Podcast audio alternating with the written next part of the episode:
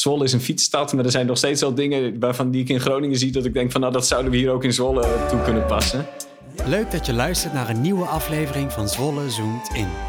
In de komende afleveringen tel ik af tot de gemeenteraadsverkiezingen van 16 maart 2022.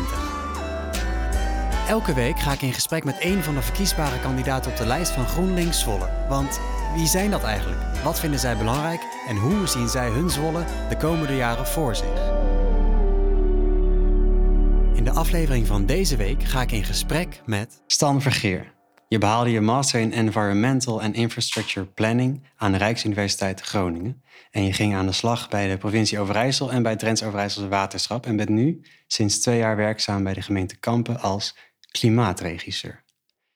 Ook heel belangrijk om te noemen vind ik dat je in Zwolle, uh, sinds dat je in Zwolle woont, eigenlijk al als vrijwilliger bij Hedon uh, werkt. Wat is nou tot nu toe het favoriete concert waar je bij aanwezig kon zijn? Ja, favoriete losse concert, dat is denk ik wel iets van These Go to Eleven. Ik zou niet eens zozeer een specifieke band kunnen noemen, maar dat vind ik altijd wel kwalitatief hele goede shows. Ja, ja, ja. Mijn, mijn, favoriete dag was denk ik wel Hedon Zwaar Nieuwjaar. Dat vind ik altijd echt. Uh, ik hou heel erg van metal, dus Hedon Zwaar Nieuwjaar is dan altijd wel een beetje ja, hoogtepunt precies. van het jaar. Ja, ja, dat geloof ik. Oh, nice, vet. En uh, wanneer was de laatste keer dat je dat dan? Uh, dat is dan voor afgelopen jaar. Ja, het was uh, 2020. 2021 ja, ging het niet door. Nou, dit ja. jaar natuurlijk ook niet. Dus 2020 was de laatste keer heel ons nieuwjaar. Ja. Toen was ook nog Shamash. Dat is een van mijn favoriete bands. Was er. Dat was echt een hele goede dag toen. Oh, nice. Ja, vet. Nou, misschien 2023 dan, dan weer. Ik, ik hou mijn vingers vastgekruist. Ja, precies. Ja, ja. En uh, nou, je, je woont dus nu dan ongeveer drie, vier jaar in Zwolle, als ik het goed heb. Drieënhalf jaar nou, ja. Drieënhalf jaar, ja. En daarvoor woonde je in Groningen. Ja, ja, ik ben eigenlijk een, uh, een Groninger. Ik kom niet uit de stad Groningen, maar wel uit de provincie. Oh ja. Maar ik heb wel in Groningen gestudeerd. Tussendoor, tussendoor ben ik nog twee jaar in het buitenland geweest. Maar bij elkaar opgeteld heb ik wel zes, zeven jaar in Groningen gewoond. Ja, dus precies. Oh ja. Ik noem mezelf wel Groninger. Ja, ja. En, en waar, waar in de provincie? Ver van de stad Groningen? Of, of?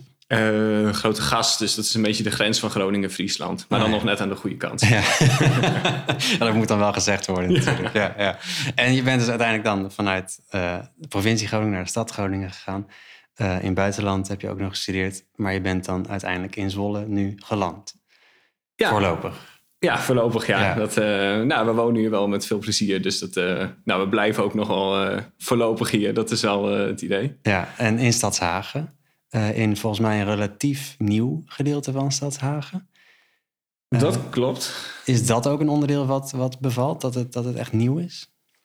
Nou, dat was niet zozeer een wens hoor. Kijk, we, we woonden, toen we naar Zwolle zijn verhuisd, woonden we in de binnenstad. Ja, dat was echt hartstikke leuk. Een hele leuke tijd gehad daar. Maar we, nou, we hadden een klein appartementje en we wilden eigenlijk wel iets meer ruimte. Dus een iets groter huis en ook heel graag een tuin. Ja. We, kregen, we kregen een hond toen ook. Dus toen zeiden we van, nou, we zoeken iets meer ruimte. En nou, dan kom je toch al wel snel in Stadshagen terecht uh, in Zwolle. En ja. dus dat was voor ons geen eis dat we, in een nieuw, dat we in iets heel nieuws wilden wonen, maar dat kwam toevallig zo uit. Ja, en nou, het bevalt dus. Ja, het is hier uh, ja, heel fijn. We hebben met, ook met corona heel veel geluk gehad. Omdat ik, ik moet best veel thuiswerken tegenwoordig. Nou, en ons oude huis was dus een eenkamer appartement. Ja, dat was echt wel een drama geworden. Ja, denk op een gegeven moment is dat wel klaar dan, denk ik. Ja, ja nee, daar hebben we echt geluk mee gehad. We zijn wat dat betreft op het goede moment uh, verhuisd. Ja, ja. Oh, nice. Nou, dat is dan een mooi, mooi geluk. En je zei, nou, je hebt een hond. Uh, dat is leuk. En een kat, toch? Hond en een kat, ja. ja precies het, uh, dat, stereotype. Ja, precies. en dat gaat ook allemaal goed samen en zo. Die, ja, ja, gelukkig wel. Dat was wel een beetje zoeken. De hond hadden we eerst en toen namen we de kat erbij. En dat was dan wel even spannend van, gaat het samen goed? Maar dat is helemaal, dat is helemaal goed gekomen. Ja, nice. Nou, en je hebt dus in de binnenstad ge gewoond. In Stadshagen woon je nu. Nog andere Zwolse woonwensen? Of, uh... Nou, kijk, we hebben een huurwoning. We zouden ooit op termijn wel een keer iets willen kopen. Nou, al is dat op dit moment wel heel lastig natuurlijk. Daar, uh, daar hebben heel veel mensen problemen mee. En, ja. nou, ik heb niet per se één wijk waarvan ik zeg van... nou, daar zou ik nog graag willen wonen of zo. Dat, uh, niet één, één droom of zo nee, binnen Zwolle. Nee. nee, dus dit is eigenlijk voorlopig is dit gewoon goed en later zien we wel verder. Precies, ja.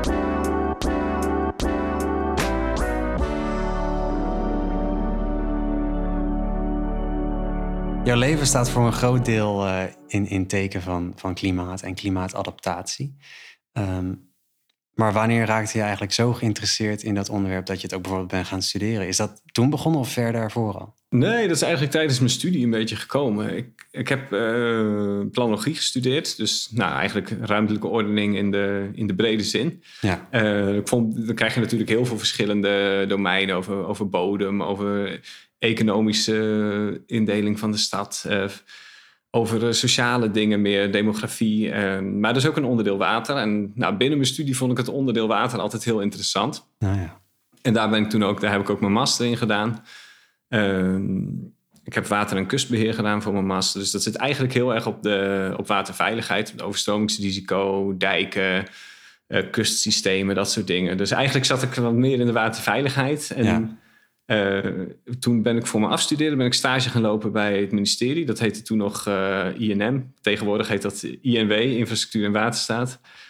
Um, en daar deed ik ook wel iets met overstromingen, maar dat ging over het overstromen van rioolwaterzuiveringen. Oh, en dat, ja, dat was eigenlijk heel toevallig, maar zo ben ik een beetje in het stedelijk water terechtgekomen. Dus, dus riolering, uh, hemelwaterafvoer. Ja. Eigenlijk door die stage ben ik een beetje toevallig in het stedelijk water beland. En daarna daar uiteindelijk ook wel mijn werk van gemaakt. Ja, en waarom vond je dat dan zo? Waarom heeft dat je gepakt, zeg maar? Eh, wat vond je er zo interessant aan? Ja, ik denk voor mezelf, ik hou, ik hou altijd van, van als je dingen concreet kan maken. En kijk, klimaatverandering is natuurlijk iets, iedereen heeft ermee te maken en iedereen merkt de effecten ervan. Maar wateroverlast is een van de meest concrete effecten van klimaatverandering waar je ermee te maken krijgt. Iedereen ziet wat er gebeurt als er in de zomer zo'n hele hevige bui valt en de straten blank komen te staan en het riool het niet meer aan kan. Dus ik denk dat, dat dat mij heel erg trekt binnen het werkveld, omdat het zowel visueel als qua ervaring heeft ieder, iedereen heeft het wel eens gezien of meegemaakt. En dat maakt het heel tastbaar voor mensen. Ja, ja. en je was natuurlijk aanvankelijk planologie gaan studeren. Totaal niet met het idee dat je uiteindelijk met klimaat bezig zou gaan, of wel? Nee, nee, eigenlijk niet. Dat was meer in de algemene zin dat ik interesse had in ruimtelijke ordening en hoe, ziet, hoe ziet onze leefomgeving eruit en uh, hoe, hoe, hoe, beïnvloeden we die. Maar uh, toen inderdaad nog helemaal niet met het idee van we, we, moeten ons aanpassen op een veranderend klimaat. Nee, precies. Nee, oh, dat, is, dat is wel interessant natuurlijk. Ook om, nou, dat was dan in 2010 dat je deze master, uh, of nee, dat je dat ging studeren. Ja. En er is dan heel veel veranderd natuurlijk in de tussentijd ook qua bewustzijn. Dus je bent wel mooi dan meegegaan in de, in de klimaatbewuste ja, ja, ik denk dat het ook, als je in overheidsland kijkt, dat het ook echt wel iets is wat de laatste jaren veel meer aandacht heeft gekregen. Dat in 2010, 2010 kon je eigenlijk nog niet voorstellen dat, dat een gemeente een klimaatregisseur in dienst zou hebben. Nee, nee. En daarover gesproken, klimaatregisseur, dat klinkt wel echt te gek. Ja, ja aan de ene kant is het een, een leuke titel. Het is, het is ook wel een beetje verwarrend. Mensen vragen zich af van wat, wat doe je dan precies? Ah, ja. Ja. Um, is het, zou, zou je het ook bijvoorbeeld klimaatmanager kunnen noemen? Of? Ja, of, of gewoon adviseur klimaatadaptatie. Oh, Zo leg ik het vaak uit. Want dat, is vaak nog wel de verwarring die ontstaat. Kijk, ik doe klimaatadaptatie. Dat gaat dus echt om de, de effecten van klimaatverandering die we al merken. Dus wateroverlast, uh, bodemdaling, hittestress, overstromingen. Dat zijn allemaal effecten aan de achterkant waar we ons op aan moeten passen. En, en daar hou ik me dus in mijn beroep mee bezig. Ja. Uh, maar mensen denken ook vaak, ook klimaat, dan ben je bezig met CO2-uitstoot en zonnepanelen. En dat is allemaal klimaatmitigatie. Dus dat zit aan de voorkant en daar hou ik me helemaal niet mee bezig. Nee, maar, dat vind je ook niet leuk om mee bezig te zijn? Nou, ik vind het wel interessant. Uh, maar het is, het is niet waar mijn passie zit, zeg nee, maar. Nee.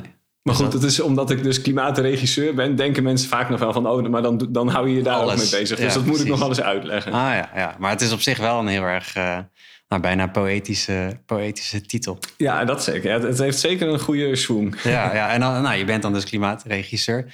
Uh, maar geef dus advies, maar stuur ook mensen aan. Wie zijn, wie, zijn zeg maar je acteurs of je, je cameramensen? Ja, nou, ik, ik, werk dus bij de gemeente uh, in Kampen, bij onze buurgemeente. Uh, kijk, aan de ene kant is het groot deel van mijn werk is het ontwikkelen van beleid. Dus nou, we hebben te maken met die hevigere buien, met die drogere zomers, met bodemdaling. En hoe gaan wij daar als gemeente dan mee om? Hoe, wat doen wij daar zelf mee? Eh, aan de andere kant geef ik ook advies in projecten. Dus bijvoorbeeld bij, bij nieuwbouwwijken of uh, inbreidingsplannen die er zijn, uh, geef ik advies over hoe met de hemelwaterafvoer omgegaan moet worden.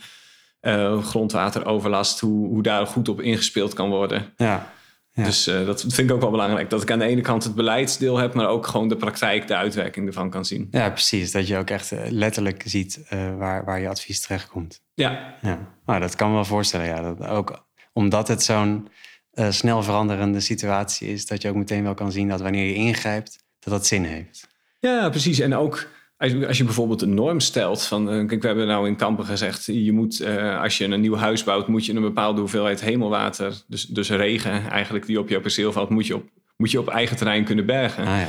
Maar ja, we stellen dan wel zo'n zo'n norm. Maar de vraag is ook heel van, ja, hoe werkt dat nou in de praktijk? Hoe gaan mensen ermee om? Is het, ja, is het praktisch stel, stel je hebt inderdaad uh, je, je tuin betegeld. Kan je dan als gemeente gaan zeggen, hé, hey, je hebt je tuin betegeld? Dat mag niet. Nou ja, dat, dat zijn dus vragen, heel erg vragen waar je tegenaan loopt. En daarom vind ik het ook zo belangrijk dat je ook de praktijk ziet. Dat je niet alleen maar achter je kantoor, achter je bureau, zeg maar, allerlei normen aan het verzinnen bent. Dat je ook gewoon weet van hoe, hoe gaan mensen daar nou mee om.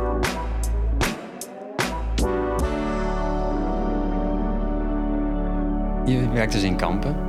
Maar je zei net al dat je tijdens je studie ook in het buitenland bent geweest. En eigenlijk op heel veel plekken ervaring hebt opgedaan. Want je hebt bij de provincie gewerkt, je hebt bij het waterschap gewerkt in Nederland. Uh, maar wat zijn nou dingen die, waarvan je denkt van, oh ja, bijvoorbeeld je was in Duitsland. Heb je daar iets heel specifieks geleerd? Nou, er zit sowieso tussen Duitsland en Nederland zit best wel een uh, verschil. En het grote verschil is eigenlijk dat we in Nederland zijn we heel erg gewend dat, uh, dat, dat, bewoners heel mondig zijn. In Nederland we, we hebben heel veel vormen van inspraak en ja. Ehm, eigenlijk wat dat betreft best wel een goed democratisch systeem. Ja, we hebben het, nu, het bekende poldermodel. Uh, iedereen heeft een mening en uiteindelijk zorgen we ervoor uh, dat iedereen ook gehoord wordt. En in Duitsland is dat bijvoorbeeld veel minder. Duitsland is wat dat betreft nog veel hiërarchischer. Waar je echt een, een baas hebt die beslist. En uh, dat merk je ook in de Duitse overheid. Dat het daar nog veel... Dat meer slikken is voor, voor een inwoner. Ja, precies. en nou, dat, dat bewoners ook gewoon minder ruimte krijgen bijvoorbeeld.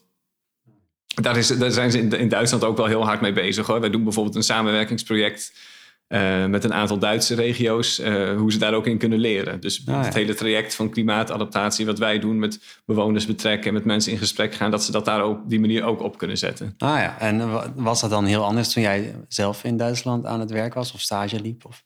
Ja, ik studeerde in Duitsland, dus, dus ik, werkte daar niet. Uh, dus dat maakt ook nogal weer verschil. Maar je merkt het daar op de universiteit ook uh, wel bijvoorbeeld. Dat, ik was het vanuit Nederland wel gewend dat als de docent iets zegt en de studenten zijn het er niet mee eens, dat er een discussie begonnen wordt. En dat is bijvoorbeeld in Duitsland ook veel minder ah, gebruikelijk. Ah ja, dat, dat, kan wel, maar het, is niet, uh, het gebeurt niet echt. Precies, ja. Ah ja, en want dat was in München? Als ik uh... Nee, in, uh, in Oldenburg heb ik uh, oh, gestudeerd. Dus ah, dat is eigenlijk, van, vanaf Groningen is dat heel dichtbij. Oh ja, dat, dat was ook een reden dan misschien? Of... Ja, ik, ik wilde dus vanuit, ik, ik studeerde in Groningen en ik wilde mijn master gaan doen in het waterbeheer. Dus ja, dan, dan kun je of naar Delft of naar, en, naar Enschede of naar Oldenburg. En de Oldenburg ah, was de dichtstbijzijnde optie ja, voor precies. mij. ja, ja dat, nou, praktisch mag ook. Ja. ja, want eigenlijk is het is natuurlijk best wel een soort van Nederlandse trots of kunde, toch? Om, om met water om te gaan.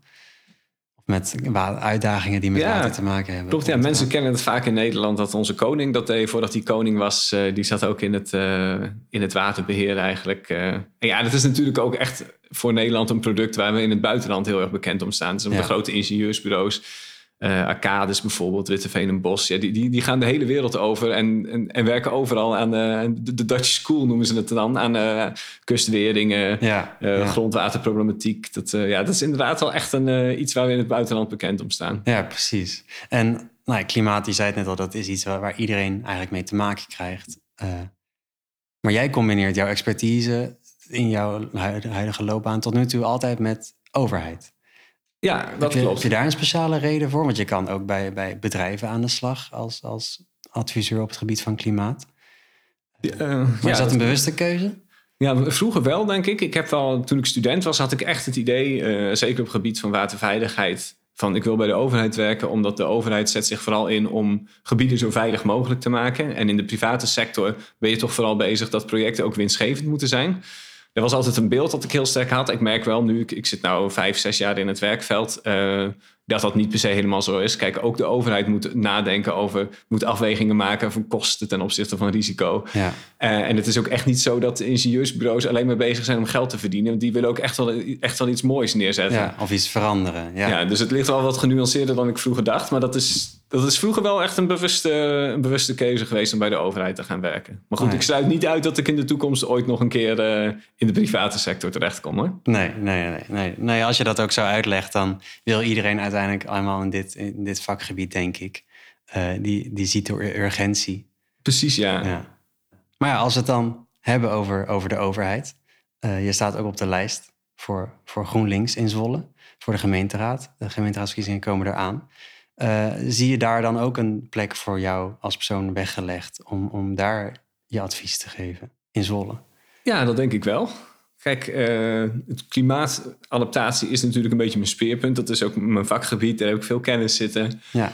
Um, dus daar, op dat gebied heb ik zeker denk ik wat in te brengen inderdaad. Maar er zijn ook wel andere thema's uh, waar ik veel affiniteit mee heb hoor. Dat, mobiliteit vind ik bijvoorbeeld een heel leuk onderwerp. Ik ben, een, ja, ik, ik, kom, ik ben een Groninger, dus Zwolle is een fietsstad, maar er zijn nog steeds wel dingen waarvan die ik in Groningen zie dat ik denk van nou dat zouden we hier ook in Zwolle toe ah, kunnen passen. Uh, wat dan bijvoorbeeld? Nou, bijvoorbeeld uh, autovrije binnenstad vind ik een heel mooi voorbeeld. Ik, weet niet, ik weet niet of je ooit in Groningen bent geweest. Ja, maar, uh, ja ik heb daar pakketten bezorgd. Dat was niet altijd een lommetje. Nou, precies. Ja. Met de auto in de binnenstad wil eigenlijk niemand in Groningen. Nee, nou, dat vind ik echt iets waar wij in Zwolle nog wat van op kunnen steken bijvoorbeeld. Ja, ja. Maar ook ja, cultuur is ook wel een sector waar ik veel affiniteit mee heb. Nou, ja, je gaat niet voor niets bij bij Hedon uh, aan het werk. Ja. Precies, ja. Dus dat, uh, nou, er zijn ook wel meerdere dingen waar ik uh, geïnteresseerd in ben. Maar ik denk vooral op het gebied van ja, klimaat, water en milieu, dat ik ook wel echt iets bij kan dragen. Ja, maar ja, want dat doe je natuurlijk al in kampen.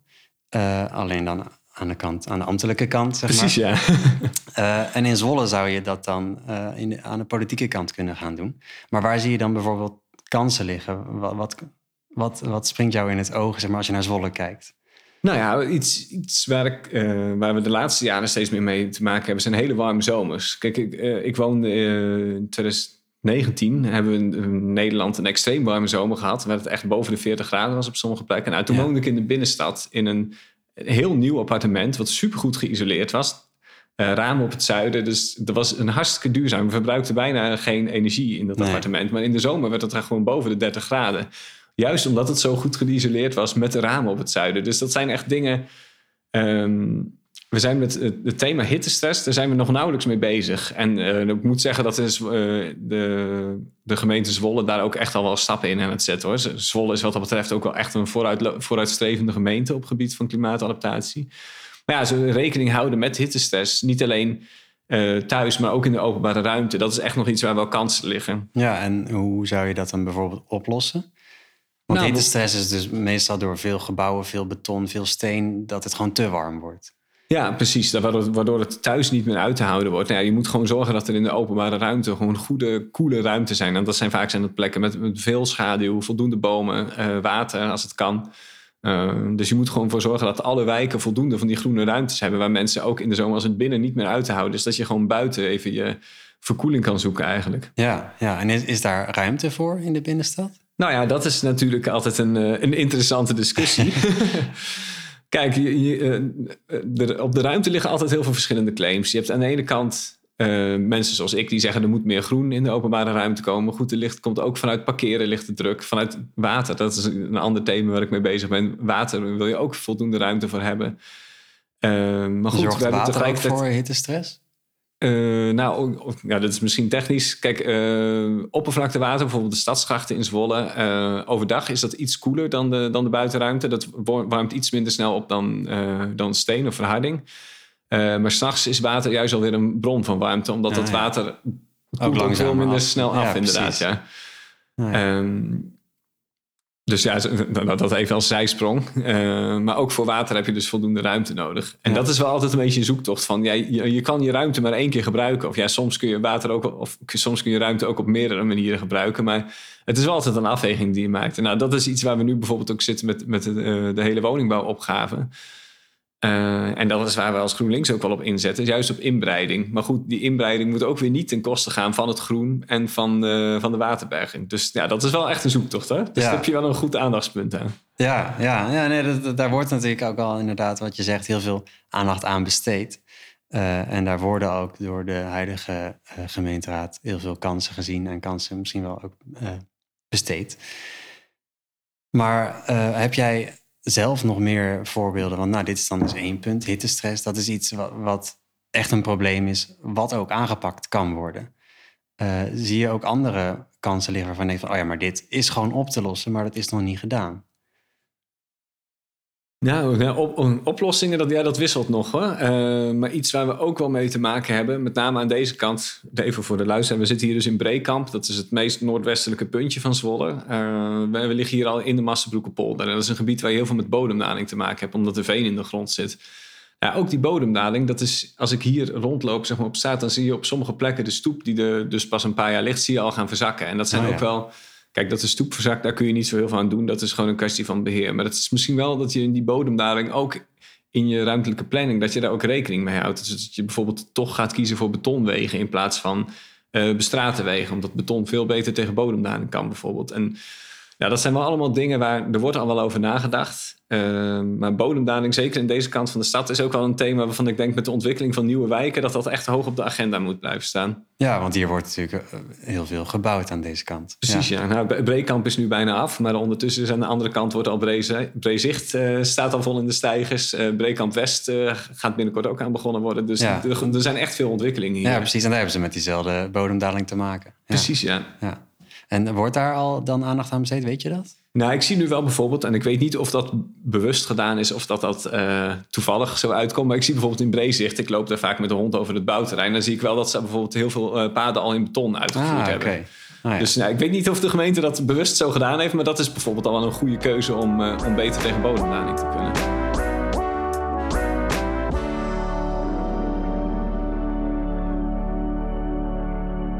Is Kampen vergelijkbaar met, met Zwolle? Op sommige gebieden wel, uh, op andere gebieden ook weer helemaal niet. Uh, Kampen is natuurlijk een stuk kleiner dan Zwolle. Uh, Want hoeveel inwoners heeft Kampen, weet je dat zo? Uh, Oeh, nu begeef ik me op gat ei. Volgens, volgens mij iets van 65.000 oh, de gemeente. Maar, dat, dat, dat, zou ook goed een beetje kunnen wisselen hoor. Maar volgens mij rond de 65.000. Dus dat het verschilt in ieder geval wel echt van, uh, van Zwolle. Ja. En dan is natuurlijk Kampen wel echt een stad wat dat betreft. Kijk, het is ook weer niet een, uh, een, een, een, landelijke gemeente. Zoals bijvoorbeeld, kijk, als je Zwarte Waterland hebt of, of Hattem. Dat zijn al veel dat, dat zijn echt al hazendorpen. Ja, ja misschien dat je dat officieel wel stad moet noemen, maar dat, dat zie ik meer als een... 700 jaar geleden is anders bepaald, maar... Precies, ja. Dat zie ik wel echt als, als dorpen. En uh, Kamp is wel echt een stad wat dat betreft. Uh, dus daar, daar, raak je wel weer meer aan Zwolle. En ik zie dat in Kampen ook wel heel veel dezelfde opgaven uh, spelen als in Zwolle. Dus natuurlijk met een hele grote woningbouwopgave. Ja, die, in Zwolle is die nog wel een stukje groter. Maar ook in Kampen moeten de komende jaren heel veel woningen bijgebouwd worden. Ja.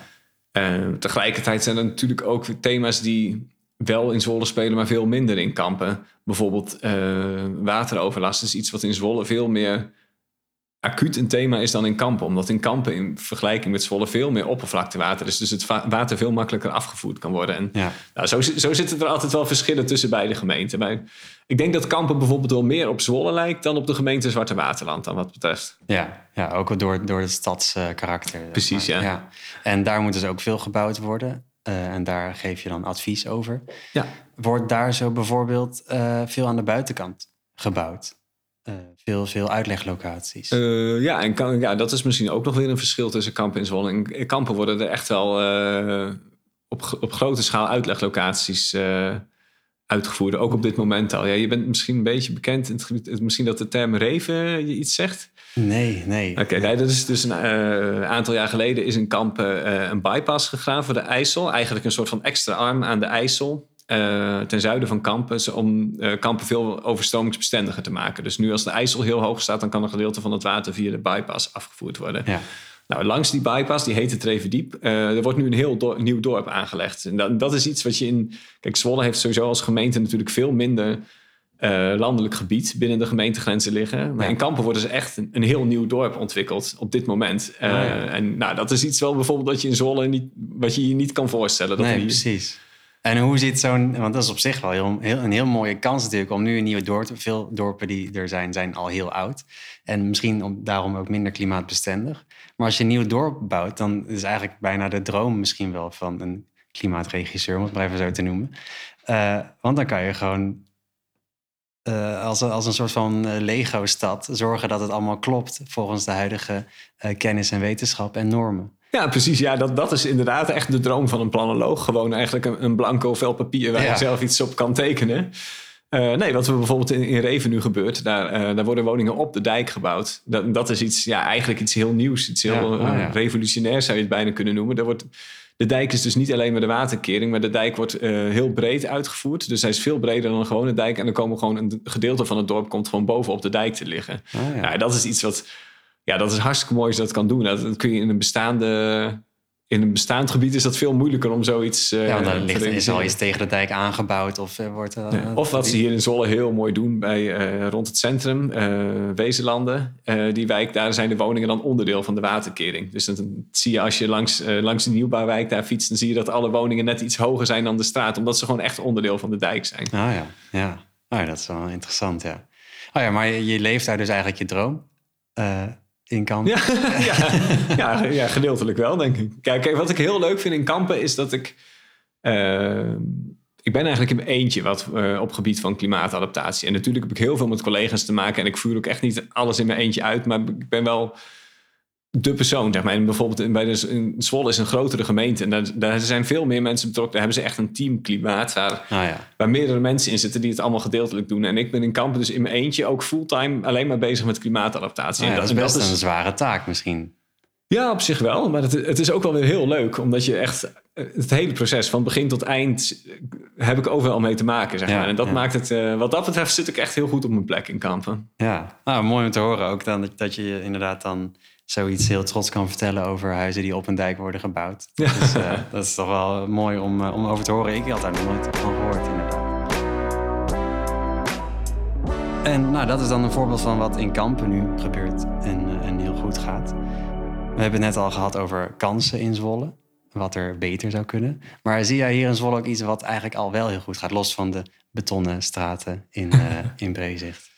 Nou, ik vind ja, Zwolle is op gebied van klimaat al ja, echt al jaren landelijk ook toonaangevend. Ja, de, hele ontwikkelingen rond het station, uh, voor het Centraal Station, dat, daar, uh, nou, dat is natuurlijk ook landelijk wordt dat uitgedragen als het, het vlaggenschip van Zwolle. En dat is ook terecht met de, de, fietsers, uh, de fietsenkelder die ook als waterberging kan functioneren. Ja. maar ook op kleinere schaal. Kijk, als je hier door de, door de wijk loopt of fietst, dan zie je dat bijna overal waterdoorlatende verharding ligt, bijvoorbeeld. Dus dat is uh, even uitgelegd. De, de, de stoep is, zijn geen normale stenen, maar een regenwater wat op de stoep valt, dat kan gedeeltelijk ook door die stenen de bodem inzakken. Dus dat betekent dat er veel minder water afgevoerd hoeft te worden en uh, de bodem ook veel minder uitdroogt. Ja. Nou, dat zijn echt dingen waar Zwolle al heel ver mee is en ook heel grote stappen in heeft gezet de afgelopen vijf, zes jaar. Ja, precies. Dus Zwolle is eigenlijk een, een voorbeeldstad wat dat betreft. Ja, op gebied van klimaat zeker. Ja, en dat legt misschien eigenlijk dan wel de druk ook zo hoog dat we dat ook zouden moeten blijven. Precies, ja. Dat, dat mogen we nu niet, niet verliezen de nee. komende jaren. Nee, want het is, het is een mooi, mooi pronkmiddel. En het is natuurlijk ook heel mooi dat het überhaupt gebeurt. Ja. ja. En daar wil jij dus ook voor gaan inzetten in de gemeenteraad. Ja, ja, precies dat eigenlijk. Ja. Nou, dan hebben we het op zich al wel mooi, mooi samengevat, denk ik. Dan denk ik dat het tijd is voor de dagvraag. En dat is de laatste vraag die ik stel in deze aflevering. En daarna zeg ik dag. En het leuke aan deze is dat dit de allereerste ingezonden dagvraag is. Een ingezonden ja, Van een luisteraar die, uh, uh, die heeft uh, deze vraag bedacht. Dus dankjewel, Jeannette. In welk land zou je willen wonen als je niet in Nederland zou wonen? Die ga ik op twee manieren beantwoorden. eerst praktisch. Nou, dan zou ik waarschijnlijk in Duitsland wonen. Mijn vriendin is Duits. Ah, we, we, komen vaak in Duitsland. Ik heb in Duitsland gestudeerd. Ja. Dus praktisch Kort lijntje, zeg maar. praktisch gezien zou het waarschijnlijk Duitsland zijn. Uh, als ik alle landen ter wereld zou mogen kiezen, um, dan zou ik misschien wel ergens op de Balkan gaan wonen. Ah, ja. uh, misschien in Servië of in Slovenië. Uh, hele mooie natuur daar. ik kan ook altijd, ik ben er een paar keer op vakantie geweest en kan met de mensen altijd heel goed overweg. Dus uh, ja, misschien kies ik dan Servië. Ja, oh nice. Oh, dat, is inderdaad wel echt een prachtig land. Ik ben nog nooit geweest, maar ik heb wel inderdaad die, die hoek plaatjes opgezocht van het is daar zo mooi. En iedereen gaat altijd naar Griekenland en Italië. Waarom? Ja. ja. Oh, leuk. Servië. Dus eh, stel, het, het zou dus ooit kunnen. Zou je ooit uh, Nederland uh, verlaten? Ja, maar waarschijnlijk dan om naar Duitsland te gaan. Dat, ja, dat, zou, dat ligt meer in de waarschijnlijkheid. Precies, en misschien dan na je pensioen naar Servië of zo. Misschien zoiets, ja. ja. Oké, nou hartstikke bedankt. Ik heb heel veel geleerd van uh, eigenlijk je expertise, maar ook van je enthousiasme uh, over je vakgebied. Dus dankjewel. Ja, jij ook bedankt. Ik vond het een leuk gesprek. Je luisterde naar Zolle Zoomt In. Met deze keer een boeiend gesprek met Stan Vergeer. Ik ben Niel Nieuwenkamp en ik zou het echt heel erg gaaf vinden als je één persoon in je omgeving wilt vertellen over deze aflevering. Naast wil ik je enorm bedanken voor het luisteren. Als je ook een goed idee hebt voor een dagvraag, stuur me dan een bericht of spreek de vraag in op zwollezoomtin.nl. Hopelijk mag ik je weer verwelkomen in een volgende aflevering waarin ik in gesprek ga met Joey Bone over de digitale samenleving. Heel graag tot de volgende.